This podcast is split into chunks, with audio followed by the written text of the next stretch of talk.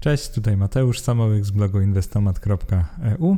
Jest to kolejny podcast, w którym opowiem o inwestowaniu, tym razem o tym, jak zarządzać środkami na kontach maklerskich. Czyli będziemy tutaj opowiadać sobie o zarządzaniu pieniędzmi na IKE, IGZE oraz zwykłym koncie maklerskim.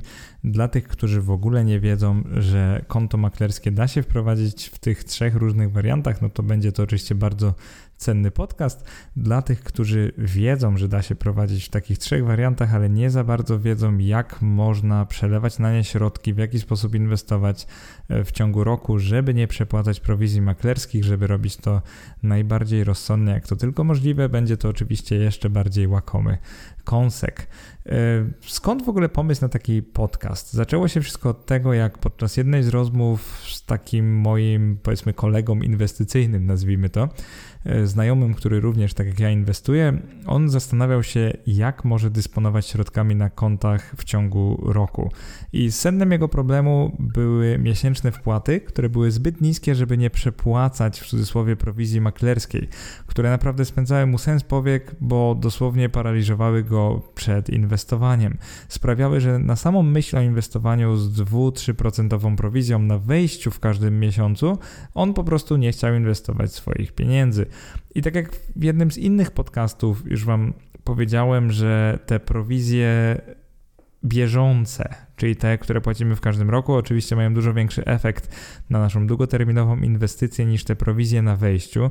Czyli jeżeli na przykład w mBanku w tej chwili na IKX płacimy minimalnie 19 zł i nawet jeżeli będziemy płacić to dla każdej 500 złotowej inwestycji, no to to, co Wam powiedziałem, to to, że dużo istotniejsze w długim terminie będzie to, czy wybierzemy ETF, który kosztuje 0,1, a taki, który kosztuje przez 0,6% rocznie, niż właśnie to, że na początku pozbywamy się tych bądź co bądź no 2% naszych wpłacanych środków. I właśnie myśli, które ma wiele inwestorów, polegają na tym, że może da się inwestować w jakiś lepszy, po prostu w optymalny sposób, niż na przykład co miesiąc przelewać środki na IKE lub IGZE i ciągle przepłacać tę prowizję. E, pomysł na ten podcast wziął się właśnie z tamtej rozmowy, ponieważ sam zacząłem się mocno zastanawiać, jak bym to robił, gdybym na przykład chciał inwestować kwoty rzędu 1000 zł miesięcznie, jak wpłacać je na które konta i kiedy w ciągu roku, żeby nie przepłacać tej prowizji, ale z drugiej strony, żeby też nie tracić na podatkach. Zaraz tobie wyjaśnię o co chodzi, ale no cóż, każdy kij ma dwa końce, każdy medal ma dwie strony i zawsze robiąc coś pozornie taniej, będziemy robili coś innego trochę drożej. Tak jakby w inwestowaniu też, no jakby chyba, że to jest gra o sumie zerowej w pewnym sensie i Oczywiście są inne metody optymalizacji czy tam minimalizacji e, prowizji maklerskiej, no ale zobaczysz, że to ciągnie za sobą, to niesie za sobą pewne no niezbyt miłe konsekwencje, o których też powinniśmy pamiętać. Zacznijmy ten podcast od w ogóle objaśnienia rodzajów kont maklerskich. I myślę, że do takiego dobrego zrozumienia treści, którą tutaj zawarłem, E, zawrę, właściwie za chwilę, będzie podstawowa wiedza o różnicach zwykłego konta maklerskiego, a maklerskiego IGZE oraz maklerskiego IKE. I zanim kontynuujesz e, słuchanie lub czytanie, w zależności czy też czasami jest tak, że ktoś słucha moich podcastów, ale również czyta wpisy w tym samym momencie. Zanim kontynuujesz, to, to bardzo polecam Tobie też powrót do takich moich już archiwalnych materiałów. Na przykład mam taki wpis o nazwie Rachunki maklerskie IKX, jak założyć, który wybrać. E, tam opisuję właśnie podstawy dotyczące tych kont Mam też taki wpis, tutaj też był podcast, jak wypłacić pieniądze z IKX, wypłata, zwrot i częściowy zwrot. Uważam, że to jest bardzo istotne, żeby najpierw zrozumieć, jak działają maklerskie IKX, a dopiero później zabierać się na ten podcast, ale tak naprawdę myślę, że w ogóle warto zrozumieć te zasady, zanim zaczniemy korzystać z tych kont. I tak, żeby zrozumieć podstawy albo sobie odświeżyć, no to czym się właściwie różnią te trzy konta maklerskie? Jeżeli weźmiemy pierwsze kryterium, jakim jest roczny limit wpłat, to oczywiście na zwykłym koncie maklerskim nie ma żadnego rocznego limitu wpłat. Możemy tam wpłacić rocznie kilka tysięcy, możemy kilkadziesiąt, kilkaset, możemy nawet kilka milionów. Także nie ma żadnego limitu wpłat, wpłacamy ile chcemy. Na maklerskim IKE, tak jak na zwykłym IKE, możemy rocznie wpłacić, no w tym momencie jest to około 16 tysięcy złotych, w roku 2021 jest to 15 777 złotego, czyli właśnie prawie 16 tysięcy. Jeżeli chodzi o maklerskie IGZE, no to jest to niższy limit, tak? Nie dla nieprzedsiębiorcy jest to 6310 80 zł. W tym roku 2021 dla przedsiębiorców jest to o połowę więcej. Jeżeli chodzi o kryterium, jakim jest wypłata bez podatku belki, no to na zwykłym maklerskim jest to niemożliwe. Tak szybko jak zamkniemy jakąś pozycję, oczywiście z zyskiem w ciągu roku sumarycznie, tak szybko musimy zapłacić podatek belki, czyli 19% naszego dochodu. Jeżeli chodzi o konto maklerskie IKE, to tutaj zostaniemy zwolnieni z podatku belki, jeżeli ukończymy 60 rok życia i będziemy na IKE wpłacać pieniądze przez przynajmniej 5 różnych lat. Nie muszą następować po sobie, ważne, żeby w ciągu 5 różnych lat dokonać jakiejkolwiek wpłaty na IKE i wtedy na końcu jesteśmy zwolnieni z właśnie z podatku belki. Jest to bardzo przyjemny benefit, jakby nie patrzeć. Na maklerskim IKE wygląda to trochę inaczej. Na IKE wypłatę bez podatku belki, takiej wypłaty możemy dokonać dopiero po ukończeniu 65 roku życia i z wpłatami przez przynajmniej 5 różnych lat. Także warunek dość podobny 5 lat później, no ale też możemy ominąć podatek belki.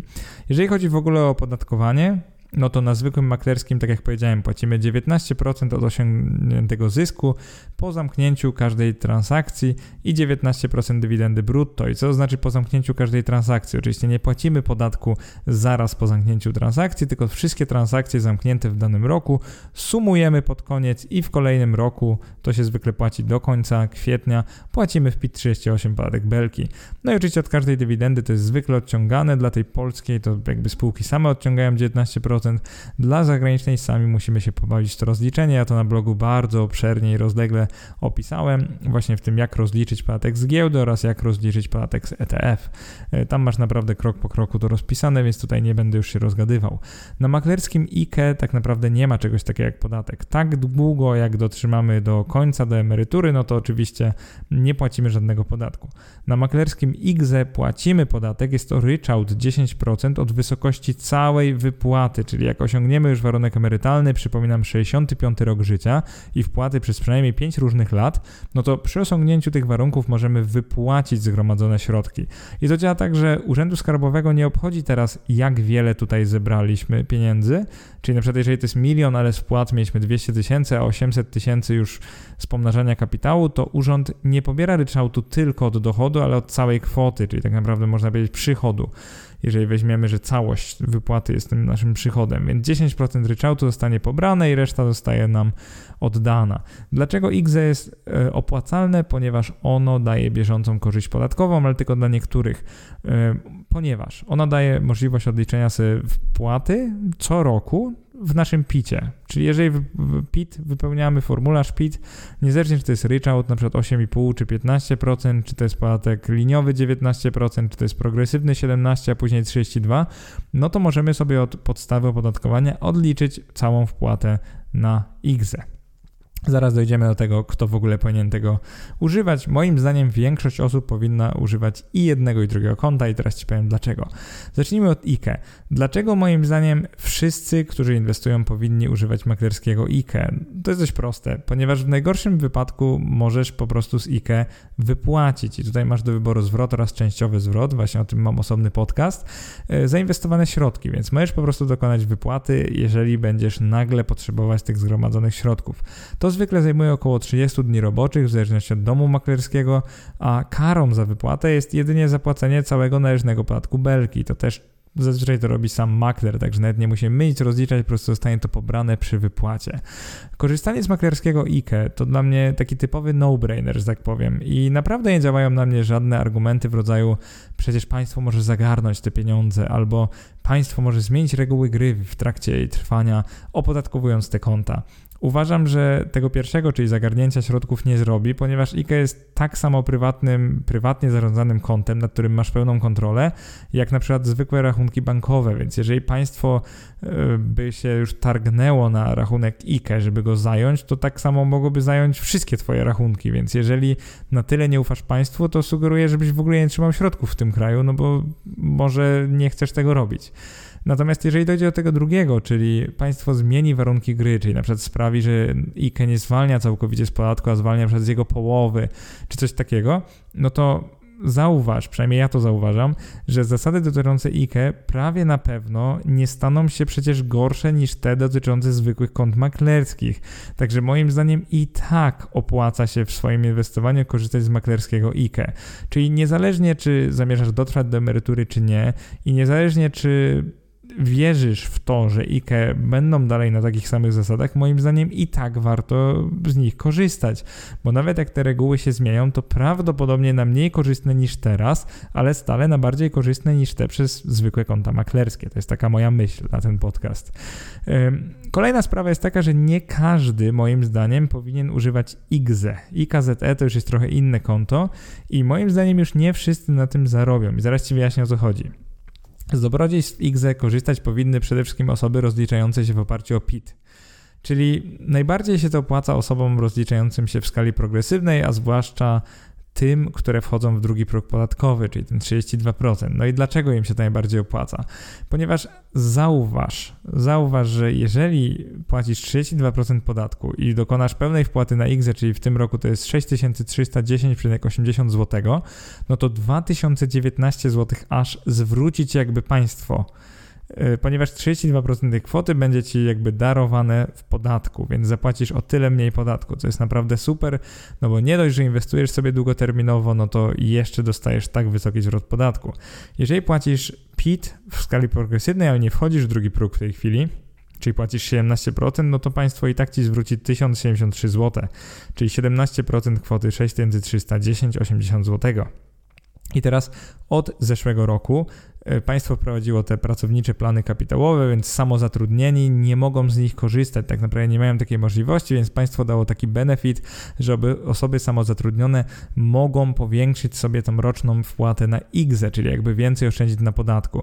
Wygląda to w ten sposób, że zamiast tych 6310 zł mogą takie osoby wpłacić 9466,20 zł, czyli mogą oszczędzić na podatku na przykład, jeżeli rozliczają się liniowo, jest to 19% kwoty 9466, czyli to jest 1979 zł, czyli prawie tyle, co ta osoba w drugim progu na umowie o pracę.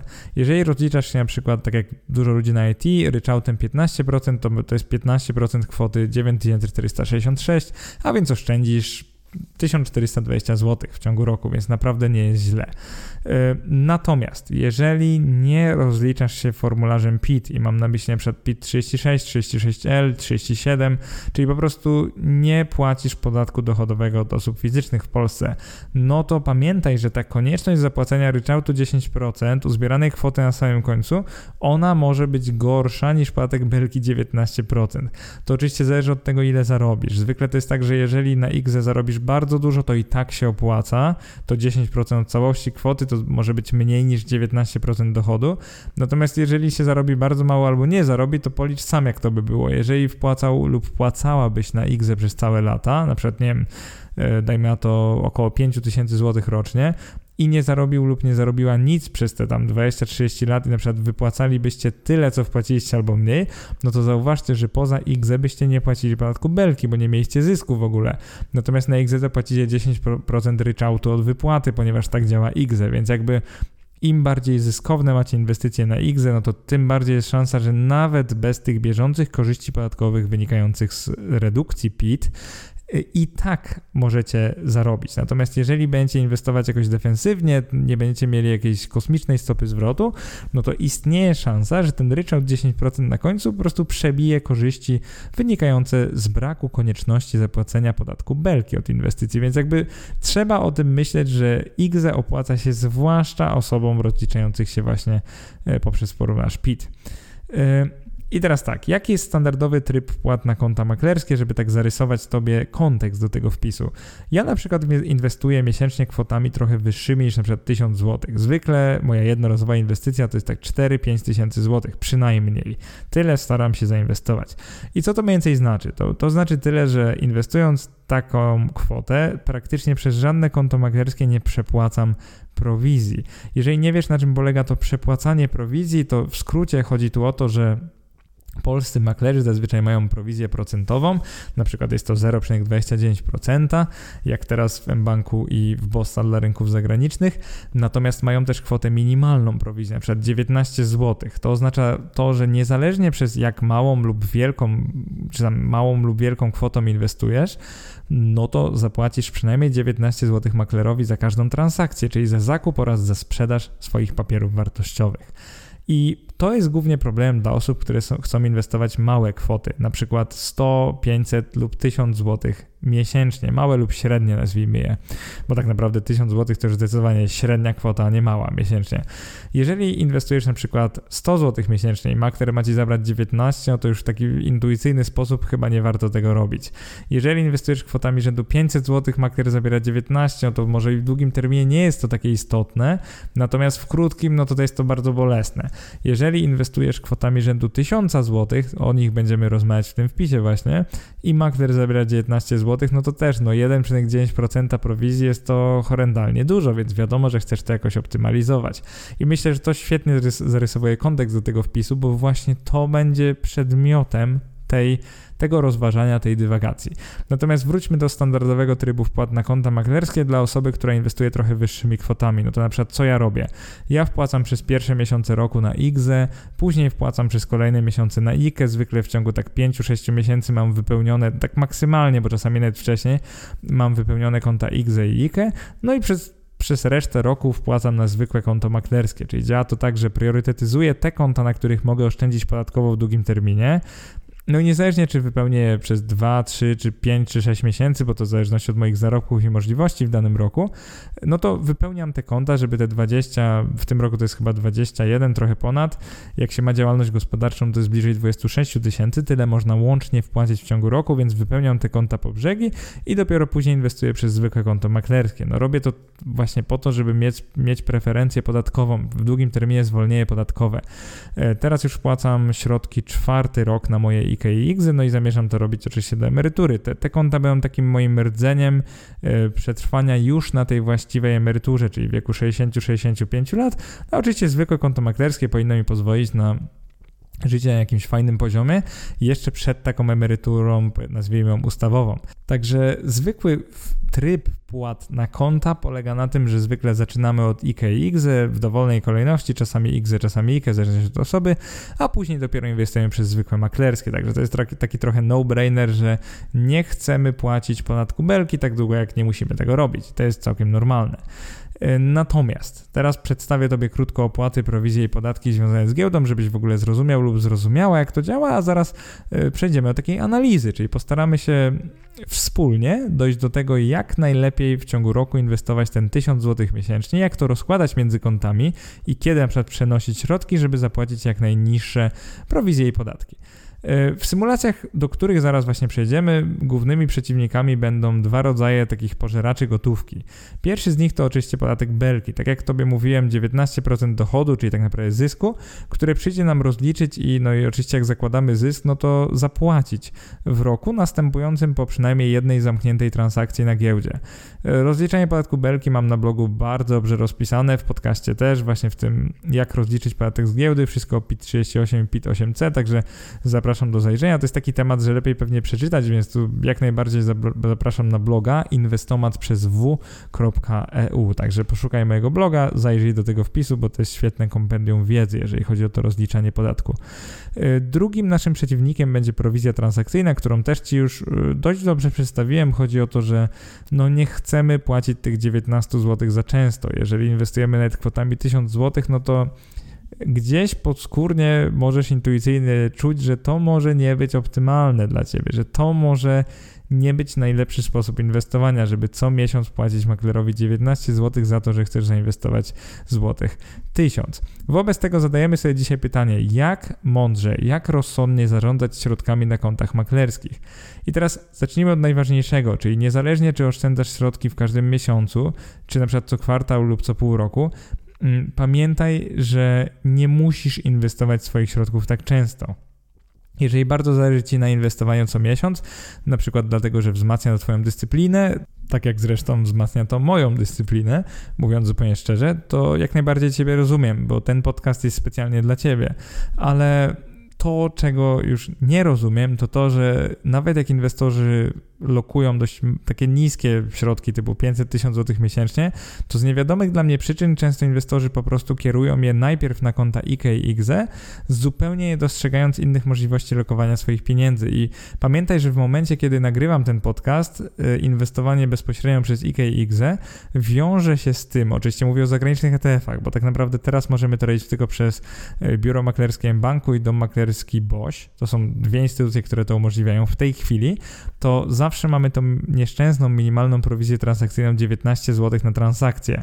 Dlatego pamiętaj, że kierując bezpośrednio środki na IKXE, takie rzędu 1000 zł miesięcznie, no to za każdym razem będziesz przepłacać prowizję, płacąc właśnie 19 zł przy inwestycji 1000 zł. I teraz jaka jest alternatywa? Alternatywą jest oczywiście inwestowanie przez tak zwane bezprowizyjne konto maklerskie albo z niższą prowizją i w tym wpisie będzie to konto maklerskie w XTB. Y, swoją drogą na blogu mam linki do założenia zarówno konta w XTB, jak i konta w banku. Y, może w przyszłości będę miał też w Bossa, więc będzie można założyć każde konto z mojego linku. Jeżeli moje materiały są dla Ciebie pomocne, to oczywiście serdeczne dzięki, jeżeli założysz konto przez y, te linki, no bo dostanę jakąś tam prowizję, więc bardzo Tobie dziękuję. Ale wracając do sedna, o co chodzi? Jeżeli używamy konta w XTB, no minus jest taki, że tam nie ma IKX, przynajmniej w chwili, kiedy nagrywam te słowa, więc jakby używając tego konta, pamiętaj, że to jest zwykłe konto maklerskie, czyli niestety inwestowanie przez nie implikuje konieczność zapłacenia podatku belki. Z drugiej strony, jeżeli robisz to walutowo, na przykład przez konto w euro i masz tanie przelewy SEPA i możesz to robić zupełnie za darmo, przelewać na przykład euro, a nie złotówki, no to inwestując przez XTB pewne kwoty, tam jest chyba do 100 tysięcy euro miesięcznie, nie zapłacisz ani grosza prowizji transakcyjnej, po prostu ich nie ma. Y, I teraz jaki rodzaj myślenia chciałbym promować w związku z tym podcastem taki, że zauważ, że inwestując 1000 zł miesięcznie, nie musisz kierować ich prosto na IKE w mBanku lub w Bossie, albo na przykład prosto na IGZE, możesz inwestować kilka miesięcy przez XTB, czyli możesz kupować na przykład ETF-y na XTB przez kilka miesięcy i dopiero później sprzedawać i lokować te środki na IKE w mBanku lub w Bossa, więc możesz w ten sposób starać się e, zredukować prowizję. I w praktyce działa to tak, że zauważ, że jeżeli na przykład zdecydujesz się na inwestycję w mBanku, 6 tysięcy złotych, czyli na przykład po pół roku wypłacisz dopiero środki z XTB i wpłacisz na IKFM banku, czyli jeszcze zdążysz w tym danym roku, to zauważ, że zamiast prowizji 1,9%, czyli 19 zł przy inwestycji 1000 zł, zauważ, że jak płacisz 19 zł przy inwestycji 6 tysięcy zł, a to tak wychodzi, zapłacisz 0,32% prowizji, także procentowo to będzie, no jakby nie patrzeć, e, sześciokrotnie niższa prowizja. E, więc nawet intuicyjnie pewnie część z Was czuję, że takie zachowanie może mieć sens. No oczywiście kosztem tego będzie pewien czas, bo będziemy się bawić w przenoszenie środków, ale benefitem będzie to, że możemy znacznie zredukować prowizje transakcyjne, oczywiście kosztem też podatku, no bo korzystanie z zwykłego konta maklerskiego tak szybko jak osiągniemy zysk implikuje konieczność w przyszłym roku zapłacenia podatku belki. I zauważ, że w każdym podcaście dokonuję pewnych założeń. Tutaj nie będzie inaczej. W tych symulacjach będziemy musieli niestety pewne założenia sobie przyjąć. Zacznijmy od tego, że inwestujemy 1000 zł w każdym miesiącu, bo to pozwala nam zachować dyscyplinę, więc już bez zadawania zbędnych pytań 1000 zł co miesiąc chcemy zainwestować. Druga sprawa to to, że inwestujemy w zagraniczne ETF-y, bo naszą strategią jest pasywne pomnażanie środków na emeryturę. I to nie jest ważne w jaki ETF, po prostu ważne jest zagraniczny ETF, więc te prowizje, które będziemy płacić w banku będą dotyczyć zagranicznych ETF-ów. I tutaj celowo zbyt optymistycznie założymy sobie, że nasz ETF przynosi stopę zwrotu w wysokości 1% co miesiąc. I zauważ, że 1% miesięcznie to jest około 12,7% brutto rocznie, czyli naprawdę dużo. E, takie założenie jest dość mało realistyczne. Dokonuję go głównie dlatego, że wysoka stopa zwrotu bardziej dobitnie pokaże Ci wpływ podatku belki na inwestycje. Więc ja jestem świadom, że żaden indeks akcji nie przynosi tak równomiernych, wieloletnich letnich wyników inwestycyjnych, ale pewne założenia musimy przyjąć, więc ten 1% brutto miesięcznie jest dla mnie na tyle mm, obrazowy, żeby pomóc też Tobie zrozumieć całą sytuację. Kolejnym założeniem jest to, że inwestujemy długoterminowo, także w każdym roku chcemy wypełnić przede wszystkim IGZE i IKE w tej kolejności, czyli zaczniemy od IGZE, y, ale nikt nie powiedział, że musimy to robić już w styczniu, także będziemy tak kombinować, aby w danym roku móc uiścić te możliwie jak największe wpłaty na te konta, ale uiszczając jak najmniejsze opłaty transakcyjne, ale też najniższy, jak najniższy platek belki. Będzie to więc takie zadanie optymalizacyjne. E, nie zakładamy tutaj konieczności całkowitego zwrotu IKE-IGZE lub częściowego zwrotu IKE, także inwestujemy na pewno do emerytury. Jest to bardzo istotne, ponieważ w tym wpisie nie będziemy się zastanawiać, co by było gdyby, po prostu zakładamy, że nie chcemy wypłacić z IKE-IGZE, po prostu inwestujemy po to, żeby dotrwać do emerytury. No i na samym końcu, z jakich kont będziemy korzystać, no to pierwsze konto to będzie bezprowizyjne konto w XTB, czyli to walutowe, na przykład przez euro, a drugie to będzie maklerskie IKE W banku i tutaj będziemy płacić prowizję transakcyjną i ona będzie wynosić za każdym razem 0,29% kwoty transakcji, ale minimalnie 19 zł i zawsze dodatkowo 0,1% kwoty transakcji. To będzie tam marża za wymianę walut, która dotyczy banku. Czyli od każdego zakupu i sprzedaży aktywów i dla przykładu za zainwestowane 1000 zł zapłacimy 19 plus 1 zł, no bo 1 to jest ten walutowy, a więc sumarycznie 20 do tych prowizji. A przy inwestycji kwoty 2000 zł będzie na przykład 19 plus 2 zł, czyli 21 zł. To można sobie z prostego wzoru obliczyć, ale tak obrazowo, żebyś rozumiał lub rozumiała, ile będziemy płacić za każdą inwestycję w banku na tym IKX-e. No i mam wrażenie i mam nadzieję taką, że powyższe dobrze zarysowały Ci kontekst sześciu praktycznych symulacji, które teraz przeprowadzimy. No i jak to mówią po angielsku, let's get straight to it. E, zacznijmy od zakupów co miesiąc prosto na IKX. To jest ten scenariusz, o którym mówiłem na początku. Scenariusz bazowy dla początkującego inwestora, który tak trochę bez wyobraźni ten 1000 zł chce lokować od razu na IGZE i IKE, czyli ta osoba akceptuje co miesięczne takie bezwiedne płacenie przynajmniej 19 zł od każdego zainwestowanego tysiąca. W zasadzie jest to przynajmniej 20 zł. Jak przed chwilą mówiłem, no bo tyle wynosi w banku opłata tak włącznie z marżą walutową. Więc scenariusz działa w ten sposób, że od stycznia do grudnia płacimy najpierw przez 7 miesięcy na to na IGZE po 1000 zł, a później przez kolejne te 5 miesięcy na IKE. Czyli wypełniamy po brzegi wypełniamy trochę IKE. No i jak to wygląda? Wygląda to tak, że w każdym miesiącu uiszczamy prowizję 20 zł. I zakładając ten taki optymistyczny zwrot 1% miesięcznie, Cały scenariusz kończy się w ten sposób, że nie uiszczamy w ogóle podatku belki, bo zauważ, że w ogóle nie korzystaliśmy ze zwykłego konta maklerskiego na XFM Banku mamy na koniec roku 7506 zł, na IKFM Banku mamy 5050 zł. Co jest bardzo istotne, to to, że prowizji łącznie zapłaciliśmy 240 zł, a uzbierana kwota to 12 556 zł. Co mogę o tym powiedzieć? To jest taki scenariusz bazowy. E, dzięki temu, że giełda mocno rośnie, to i tak jesteśmy na plus, ale zauważ, że oddaliśmy maklerom 240 zł za zainwestowane 12 tysięcy. E, tak intuicyjnie nawet można czuć, że to jest bardzo dużo, e, więc e, powiedziałbym, zapamiętaj tę kwotę 12 556 zł, bo zaraz sobie zobaczymy, jak to by wyszło, gdybyśmy zdecydowali się na inwestowanie na IKX co drugi miesiąc. Czyli byśmy robili takie coś, że przez, w pierwszym miesiącu płacilibyśmy na zwykłe konto maklerskie XTB, przez miesiąc te pieniądze by sobie rosły, po miesiącu byśmy wypłacali, dokładali 1000, czyli tak około już 2000 coś byśmy płacili na przykład na X na początku, później na IKE. Czyli robilibyśmy taki trochę płodozmian inwestycyjny, że raz byśmy e, nie płacili prowizji, raz byśmy wyciągali i na tym koncie płacili prowizję, ale od tej kwoty około 2000 zł, a nie 1000, więc to się stanie takim scenariuszem bazowym dla drugiej symulacji. Jeżeli sobie nie możesz tego wyobrazić, to wyobraź sobie, że w ciągu roku zamiast 12 transakcji, czyli tylko zakupu przez X, a później IKE, dokonujesz ich aż 18, ponieważ musisz, sekwencja wygląda tak, że musisz najpierw e, kupić przez Y, XTB, później sprzedać po miesiącu na XTB i kupić przez y, IKE lub XFM Banku. Także to znacznie komplikuje nasz grafik inwestycyjny, także wyobraź sobie, że tutaj trzeba naprawdę się już trochę pobawić. No jakie są plusy tej symulacji? Przede wszystkim plus jest taki, że znacznie redukujemy tu prowizję maklerską, bo zamiast 240 zł w ciągu roku płacimy 126 zł. Y, jednym z minusów jest to, że pojawia się podatek belki, ponieważ co miesiąc jednak zarabiamy na tym koncie w XTB, więc łącznie musimy około 11 15 zł pod koniec roku, a w zasadzie w kolejnym roku zapłacić podatku belki i to też uwzględniłem w wyniku symulacji. Jak wygląda w ogóle wynik symulacji? Kończymy ten rok na 12 665 zł. I to jest, jeżeli chcesz wiedzieć, jaka jest różnica między tym a pierwszą symulacją, no to tutaj mamy 12 665 zł, tam mieliśmy 12 556 zł. Także oszczędziliśmy trochę.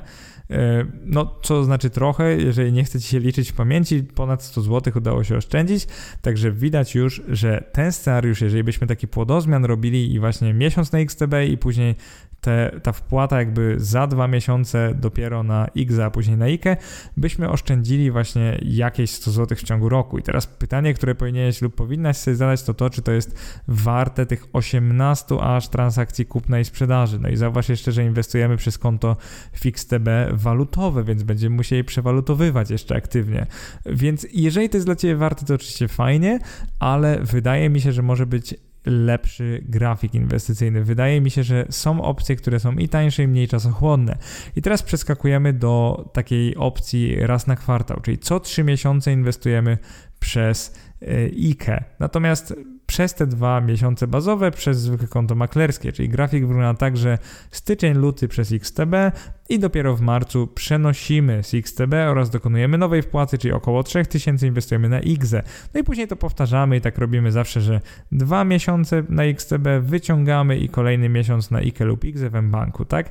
Czyli w ten sposób dochodzimy właśnie do tego, że na przykład pod koniec roku mamy sumaryczne wpłaty na XE i IKE, tak około 6000 coś złotych, także po 6 miesięcy na jedno konto, po 6 na drugie, ale robimy ten taki płodozmian co 3 miesiące. E, naprawdę no, pozytywne jest to, że zamiast 18 transakcji robimy tu już tylko 16 transakcji, bo rzadziej musimy sprzedać te mm, papiery z XTB. No i kolejną rzeczą taką bardzo pozytywną jest to, że znacznie redukujemy tą prowizję transakcyjną, no bo teraz jak już wpłacamy po około 3000 do M-Banku, no to płacimy czterokrotnie prowizję, łącznie wychodzi około 88 zł. Y, minusem jest to, że podatek nam się zwiększa, ponieważ podatek belki, jeżeli dłużej mnożymy te środki więcej środków na zwykłym koncie w XTB, to należny podatek pod koniec roku wyjdzie 22 zł.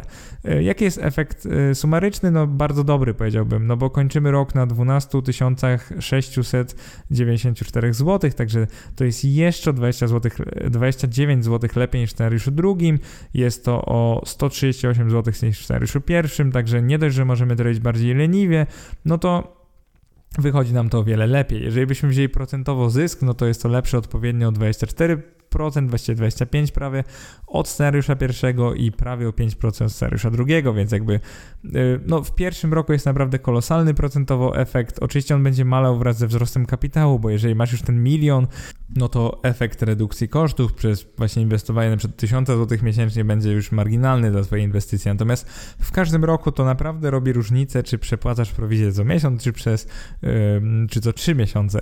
I skoro mogliśmy mieć tutaj jeszcze mniej transakcji, bo zamiast 18 ruchów rocznie możemy zrobić 16, to może pomyślmy o tym, że zamiast 3 miesięcy wolimy co 6 miesięcy przelewać z tego XTB na IKE i XE na przykład w banku. No i ta opcja wydaje mi się najlepsza. Dlaczego?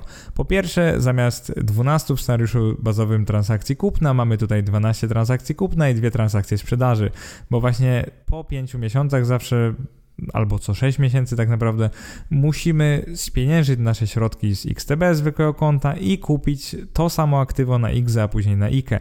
Bo czego może nie powiedziałem, to to, że zakładamy, że kupujemy jeden ten sam ETF, czyli na XTB mamy na przykład ETF na akcje z tego świata i później na IKE i XE w banku też kupujemy ETF na akcje z tego świata, także po prostu ten zysk ma się nam w czasie kumulować. Więc to, co udało nam się przez kilka miesięcy uzbierać, wymnożyć na XTB, chcemy teraz przenieść do banku, żeby już długoterminowo terminowo mogło leżeć sobie na koncie, które no właśnie czerpie z tego, że nie musi na końcu płacić podatku belki, bo tak naprawdę o to nam chodzi. E, więc w przypadku jakbyśmy 5 miesięcy zbierali na XTB i dopiero pod koniec maja dokonywali kolejne wpłaty 1000 zł i około 6000, oczywiście po przemnożeniu ten kapitał będzie już wynosił jakieś 6100 lub 6200 i taki kapitał przenosimy dopiero do mBanku, no to oczywiście mm, ta prowizja transakcyjna będzie o wiele niższa, bo wtedy już od tych 6000 powiedzmy prawie 200 zapłacimy prowizję 25 zł, około. I teraz wygląda to tak, że jeżeli dwa razy w ciągu roku przenosimy środki, to łączna prowizja to jest 50 zł, trochę powyżej, natomiast łączny podatek to jest 57 zł, no bo przez wiele miesięcy dość mnożymy na XTB, więc pamiętajcie, że to zobowiązanie podatkowe, oczywiście zakładając taki równomierny wzrost, którego nigdy nie będzie w takiej równomiernej postaci, no ale niestety musimy dogadać pewnych założeń, no to wyjdzie podatkowo bardzo fajnie. I oczywiście kiedy wyniósł wyniósłby ten podatkowy mm, zysk, można powiedzieć podatkowa strata właściwie by była wyższa. Oczywiście, jeżeli przez te miesiące byśmy zyskali więcej, więc mogłoby tak wyjść, że to, co oszczędzimy na prowizji, było niewarte tego, że zapłacimy ten podatek, ale to są dobre miesiące. Z drugiej strony pomyśl sobie, że mamy miesiące stratne, a ty i tak byś musiał lub musiała płacić tą prowizję maklerską w banku, no a wtedy w XTB nie będzie żadnego podatku, no bo nie zyskaliśmy. Więc jeżeli byśmy odnotowali stratę, no to kończymy rok z tą stratą, no ale przenosimy środki i tak redukujemy kwotę prowizji. Więc y, te założenia z wpisu są trochę nierealne. Gdzieś możemy założyć, że będziemy zyskiwać w długim terminie, ale pewnie nie tak dużo. Wracając do naszego scenariusza, gdzie przenosimy środki co pół roku, jest to naprawdę nieźle, ponieważ kończymy o 144 zł lepiej niż w pierwszym scenariuszu oraz odpowiednio 35 i 6 zł lepiej niż w scenariuszach drugim i trzecim. I tutaj przypomnę, trzeci scenariusz to był ten, gdzie co 3 miesiące przenosimy środki, tutaj co 6 miesięcy, czyli pół roku przenosimy środki i łącznie udało nam się zbierać 12 700 zł i tak jak mówiłem w prowizjach około 50 zł, w podatku około 60 zł zapłaciliśmy. I naprawdę cenne według mnie jest to, że dokonujemy tutaj 14 transakcji w ciągu roku, a nie 18 lub 16 jak w tych poprzednich scenariuszach, bo dla mnie to by było już trochę upierdliwe, jeżeli byśmy musieli dokonywać na przykład 18 transakcji. Ostatnim scenariuszem, który warto obgadać jest to, że możemy raz do roku inwestować, czyli na przykład e, przenosić środki na IKE dopiero w grudniu, czyli to już by była taka maksymalna optymalizacja, no po prostu optymalizacja e, sposobu inwestowania. Polegałaby na tym, że do listopada włącznie inwestujemy na XTB, później środki uzbierane przenosimy całościowo na przykład na IKE. I to by działało tak, że udałoby nam się wejść naprawdę w tą już minimalną prowizję maklerską, byśmy ją zredukowali tak jak się da, ale no stety niestety byśmy długo pomnażali te środki na zwykłym koncie maklerskim, więc należny podatek od XTB byłby najwyższy z możliwych. Działałoby to tak, żebyśmy pod koniec roku skończyli z prowizją mniejszą niż 50 zł, także najlepszą ze wszystkich przypadków, bo ona była już czysto procentowa, ale zapłacilibyśmy kosztem tego podatek około 130 zł, ponieważ nasze środki wzrosłyby na zwykłym maklerskim tak dużo, tam jest około 700 zł, żebyśmy po prostu musieli 100 coś złotych zapłacić w podatku w roku kolejnym. Więc w efekcie skończylibyśmy rok na 12 630 zł, co jest wynikiem o 70 zł gorszym niż w poprzednim przypadku, kiedy co pół roku wyjmujemy środki i już dalej sobie pomnażamy na x odpowiednie, a później IKE. Więc może Ciebie to zdziwić tak intuicyjnie, no bo pewnie część z Was robi coś takiego, że przez cały rok zbiera środki na zwykłym y, koncie maklerskim, a dopiero później przenosi na IKE lub IGZE, no to pamiętaj, że efekt podatkowy może tu być niewarty świeczki, że może Ci się jednak opłacać co kilka miesięcy, czy to będzie co 3 czy co 6, to zależy od roku, przenosić środki na IKE i żeby właśnie prowizję nawet trochę przepłacić, żeby tym środkom nie dawać narastać na tym koncie, które implikuje zapłatę podatku. Więc y, ten scenariusz jest i tak lepszy od scenariusza pierwszego, w którym co miesiąc wpłacamy na IKE i IGZE, ciągle przepłacając prowizję, te właśnie 20 zł od kwot 1000 zł. No to zauważ, że niestety kwestia podatkowa jest nieubłagalna jeżeli byśmy mieli jeszcze lepszy rok, no to zapłacisz bardzo dużo tego podatku y, od zysku Natomiast no, oszczędzisz trochę na prowizjach, ale mniej na podatku, więc jakby myśl w ten sposób, że każdy miesiąc, kiedy nie przenosisz środków na IKE lub IGZE, to jest takie w cudzysłowie ryzyko, że będziesz e, tracił tą korzyść podatkową, że będziesz musiał lub musiała zapłacić podatek Belgii w przyszłym roku. I właśnie to jest, taki, e, to jest taka główna myśl, myśl przewodnia tego podcastu. I teraz wyobraź sobie, że no dobra, myślisz sobie tak, może będę inwestować zupełnie bez IKE i IGZE, czyli będziemy po prostu non-stop inwestować przez zwykłe konto maklerskie przez długie lata, czyli jakby zrezygnujemy w ogóle z korzyści IKE i IGZE kosztem tego, no albo raczej korzyścią tego, że nie będziemy płacić prowizji transakcyjnej nigdy, po prostu będziemy przez darmowe konto inwestować cały czas. No to pozornie wygląda tak najlepsza opcja, ponieważ kończymy rok na 12 809 zł, 9 zł bez płacenia prowizji, bez płacenia podatku, hipotetycznie, bo mimo, że mamy narosły podatek belki, więc jakby on jest do zapłacenia kiedyś, ale nie płacimy go teraz. Czyli możemy dalej mnożyć nasze środki i podatek belki zapłacimy dopiero na końcu, po jakichś tam wielu latach. I wygląda to tak, że pozornie oszczędzamy tu bardzo dużo. Przypomnę Tobie, że w pierwszym scenariuszu tam było 12 556 zł, teraz jest 12 809 zł, czyli niby oszczędziliśmy 253 zł. E, po uwzględnieniu belki, tej, która narosła, oszczędziliśmy i tak 99 zł. Ale dlaczego mimo wszystko odradzam inwestowanie tylko przez zwykłe konto maklerskie? To jest dość proste. Pierwszym i takim bardziej oczywistym powodem jest to, tak jak mówiłem na początku tego rozdziału, tej części podcastu, z biegiem czasu procentowy wpływ prowizji transakcyjnej na końcowy wynik inwestycji będzie malał. To oznacza tyle, że jeżeli w pierwszym roku wygląda coś na ogromne marnotrawstwo, bo właśnie widzisz te setki złotych, na przykład marnowane w scenariuszu pierwszym, to w długim terminie brak konieczności zapłaty belki może ci oszczędzić dużo więcej niż to, co wygląda marnowanie pieniędzy w krótkim terminie i zaraz tego zresztą dowiodę na liczbach. I druga sprawa to to, że według mnie nie jest w ogóle uczciwe porównywanie tego scenariusza ostatniego, czyli tego, w którym inwestujesz tylko na koncie np. w XTB, ale nie IKE i XE, które nie ma prowizji, ponieważ pamiętaj, że tutaj nie zakładasz w ogóle wypłaty czy przeniesienia środków, czyli to jest jasne, że nie zapłacisz podatku belki docześnie, nie zapłacisz go bieżąco, ale jest ukryty w tej kwocie inwestycji, ponieważ w długim terminie zarabiasz, natomiast nie płacisz, dopóki nie osiągniesz zysku, dopóki nie wypłacisz. Więc yy, myślę, że mam dobry sposób, żeby już na sam koniec tego podcastu, ostatnie kilka, tak do 10 minut, przekonać Ciebie do inwestowania przez IKE. I argument będzie następujący. Prawda jest taka, że z czasem i wraz ze wzrostem wartości Twojego kapitału przez konto maklerskie IKE będziesz oszczędzać coraz więcej. I zapłacone przy każdej kolejnej inwestycji prowizje będą coraz bardziej tracić na znaczeniu. I udowodnię to w sposób taki, że zrobię teraz te same symulacje dla scenariusza pierwszego, ale tylko dla IKE. Przypomnę, pierwszy to jest ten, w którym co miesiąc po prostu wpłacasz na IKE i się nie przejmujesz prowizjami, a drugi scenariusz to jest taki, że inwestujesz tylko przez zwykłe konto maklerskie, np. w XTB, że tylko przez zwykłe konto, a na końcu wypłacasz i płacisz podatek belki. I bierzemy horyzont 10, a nie jednego roku. I zakładamy dla IKE oczywiście, że już osiągnąłeś, osiągnęłaś te konieczne 60 lat, czyli możesz wypłacić bez podatku belki. No to co się teraz dzieje? To jest bardzo ciekawe, bo jeżeli inwestujemy przez zwykłe konto maklerskie 10 lat z tą taką dobrą stopą zwrotu 1% miesięcznie, bardzo wysoką zresztą, no to kończymy z kwotą kapitału 232 300 zł około.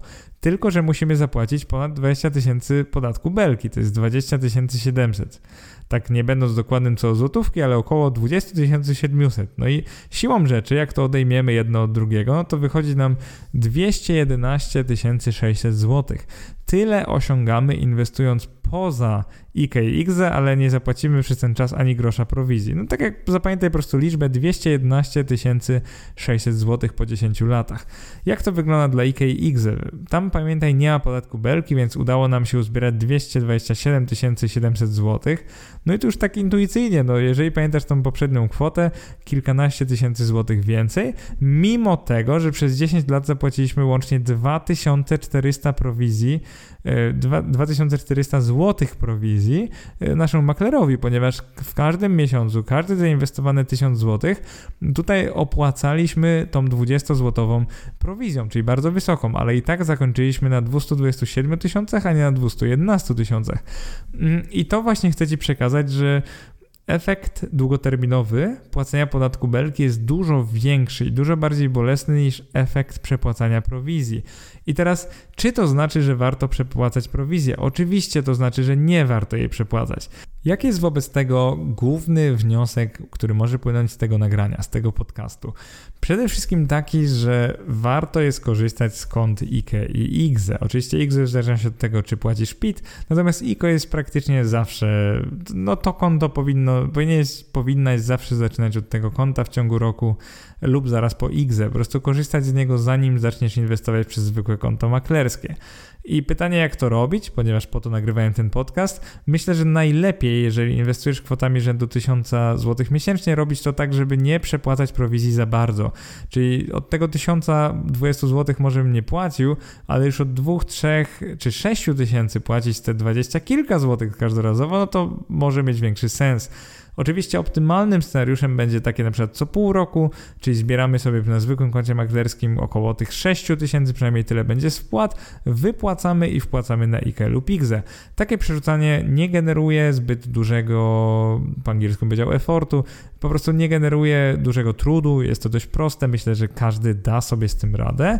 Zwykle nie wygeneruje to jakiegoś ogromnego podatku dochodowego, w zależności od roku, no ale zwykle gdzieś tam to się uśredni w długim terminie i sprawi, że na prowizjach oszczędzimy więcej niż zapłacimy tego należnego podatku, że przez parę miesięcy inwestujemy poza IKE i IGZE. Przede wszystkim odradzałbym nie używanie IKE i IGZE. Moim zdaniem to jest jeden z największych błędów, który popełniają początkujący. Uważam, że wpłacenie w każdym roku możliwie dużo środków na konta IKE i IGZE to jest taka konieczność i tak naprawdę każdy inwestor powinien zaczynać od tych kont. Przepłacanie prowizji maklerskich nie ma sensu, także redukuj je tak jak się da, natomiast też nie rób tego kosztem korzystania z IKX w ogóle. Niech to cię nie paraliżuje przed korzystaniem z tych kont, bo w długim terminie zarobisz więcej na korzystaniu z nich niż na ignorowaniu ich, bo nie chcesz przepłacać prowizji. No i pamiętaj o tym trudzie, czyli czy chcesz robić w ciągu roku 15, 18 czy na przykład 12 transakcji. No myślę, że nie każdy ma czas, żeby dokonywać 18, więc te 12 czy tam 13 może być bardziej logiczne lub po prostu dla Ciebie łatwiejsze. Mam nadzieję, że ten podcast się podobał. Uzupełnij go oczywiście wpisem, także zobacz sobie wpis, link jest w opisie. Bardzo dziękuję za przysłanie do końca. Trzymaj się, do następnego. Cześć.